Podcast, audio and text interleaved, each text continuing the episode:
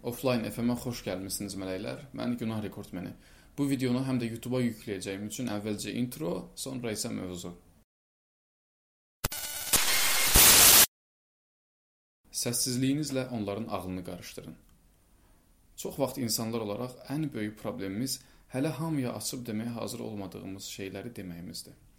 Belə görünür ki, bu problem çoxumuzda var. Və çox vaxt da bunu dəyəri olan bir insan olduğumuzu insanlara bildirmək üçün etməyimizin sayısız səbəbi var. Özümüzü böyük göstərməyə çalışırıq. Digərlərini alçaldaraq danışırıq və bəzən aqressiv bir formada hörmət qazanırıq. Özümüzü tanrı kimi üstün göstəririk. Əhəmiyyət kəsb edən mövqedə qalmaq üçün deyilə biləcək hər şeyi deyirik və insanların bizi əhəmiyyətli biri kimi görmələrinə səbəb oluruq. Bu zamanda deməli olduğumuzdan daha artığını deyirik. Heç səssizliyin nə qədər vacib olduğunu düşünmüsünüz? Ya da niyə iki qulağımız və bir ağzımızın olduğunu? Əsas səbəbi danışmaq və dinləmək üçün doğru zamanı mühakimə edə bilməkdir. Hə, həyat biraz qarışıq və zəhmətlidir. Tarazlığınızı sarsıda bilər və məntiqli olmaq üçün sizə heç bir səbəb verməyə bilər. Ancaq bir çox vəziyyətdə kontrolun bizim əlimizdə olmamasına baxmayaraq, danışmadan əvvəl biraz gözləmək bizim əlimizdədir. Digərlərinə baxıb haqlarında dərinləməsinə düşündüyünüzdən daha çox özünüzə baxın. Çox şey danışmaq sabah sizi vurmaq üçün kiməsə güllə verməkdir. Digər yandan sirli olmaq, insanların sizinlə daha yaxın olmaları üçün ekstra cəhd göstərməyinə səbəb olacaq. Hücum eləsinlər deyə əllərinə silah vermək istəməzsiniz. Söhbətlərinizdə və düşüncələrinizdə rahat olun. Həyəcanlanmayın. Ətrafınızdakı insanlar təxmin eləməyə çalışsınlar. Maraqlarını çəksin. Tikan üstündə olsunlar. Əgər sizə qışqırsalar, heç nə eləməyin. Heç nə deməyin. Sizin istəmədiyiniz vaxtda sizə qışqırsalar, sakit olun. Heç nə deməyin. Onlara yaxşılıq eləmiş olmursunuz. Özünüzə yaxşılıq eləmiş olursunuz.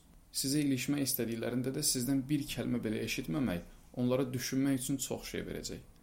Onların özlərinə olan əminliyini alt-üst edən həmin o oğlan və ya o qız ola bilərsiniz. Səssizliyiniz elə bil ki, onların özgüvənlərini alt-üst eləyir və sizin haqqınızda düşüncələrini dağıdır.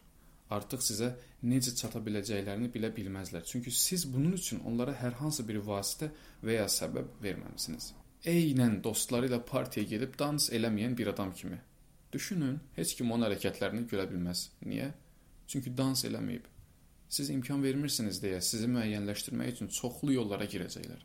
Sizin niyə daha yaxşı olduğunuz və onların səhv olduğu haqqında səbəb göstərməyə çalışmağınız yerinə niyə səssiz qalıb davamlı xəyallarınız üçün çalışmırsınız? Ətrafınızdakı şərtlərdən daha yaxşı bir hədəfinizin olduğunu ağlınızdan çıxarmayın. Bu məşhur ifadəni eşitmiş olarsınız. Axmağın cavabı susmaqdır. Və bu o demək deyil ki, ətrafınızdakı insanlar axmaqdır və ya həmişə sakit davranmalıyıq. Sakitliyi qorumaq düzdür, kənardan cəlbedici görünür. Ancaq lazım olduğunda pəncələrimizi göstərməliyik. Həmişə susmaq olmaz. Özümüzə aid yolumuzla getməyimiz ancaq öz yaxşılığımız üçündür. Niyə səssizliyinizlə onların ağlını bulandırıb siz tamamilə hədəflərinizə kilidlənərkən onların sizin haqqınızda düşünmələrinə səbəb olmursunuz? Heç kim siz deyil və bu da tam olaraq fərqin yaranmağına səbəb olan şeyin özüdür. Qoyun təxmin oyunlarında itib batsınlar. Sizdən neqativ reaksiya almaq niyyətində olduqlarında ağızlarından çıxan hər şeyə illa da cavab verməli deyilsiniz. Sadəcə səssizcə ayrılın onlardan və Qoyun söhbəti davranışlarınız davam elətdirsin. Gülümsəməyə davam eləyin və heç bir şey deməməklə onların ağıllarını bulandırın, qarışdırın. Etməli olduğunuz tək şey dinləməkdir. Dinləyin və qoyun səsinizi axtarsınlar. Qoy sizi tapmaqda çətinlik çəksinlər. Siz həyatı dolu-dolu yaşadığınız zaman insanlara özünüz haqqında mənfi və ya müsbət heç nə verməməkdən daha əyləncəli nə ola bilər? Heç nə. Mövlana Cəlaləddin Ruminin qəşəng bir sözü var. Səssizlik bir okeandır, danışmalar bir çay. Okean səni axtaranda dayaz çaylara getmə. Okeanı dinlə. Və təbii ki, unutmamalı olduğumuz bir şey var ki, həyat hansısa ssenaristin yazıb bizim oynadığımız bir ssenari deyil. Bunu film cəhətdən düşünün. Əlbəttə ki, həyat bir oyundur, filmdir. Bunlar öz yerində, amma demək istədiyim başqa şeydir əslində.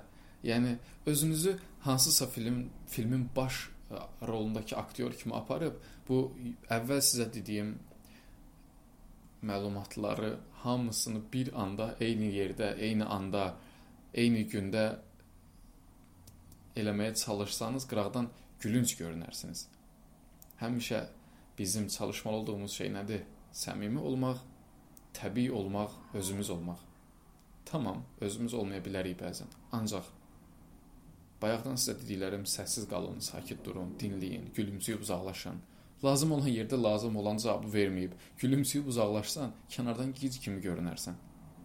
Səmimi olmaya bilərsən, amma təbii olmalısan. Rahat olmalısan və həyəcanlanmamalısan. Özünü idarə edə bilməlisən. Bu qədər. Offline FM-də Günah Rekordmenindən səssizliyinizlə onların ağlını qarışdırın podkastını dinlədiniz. Ümid eləyirəm ki, mənə ayırıb dinlədiyiniz vaxtın haqqını vermişəm.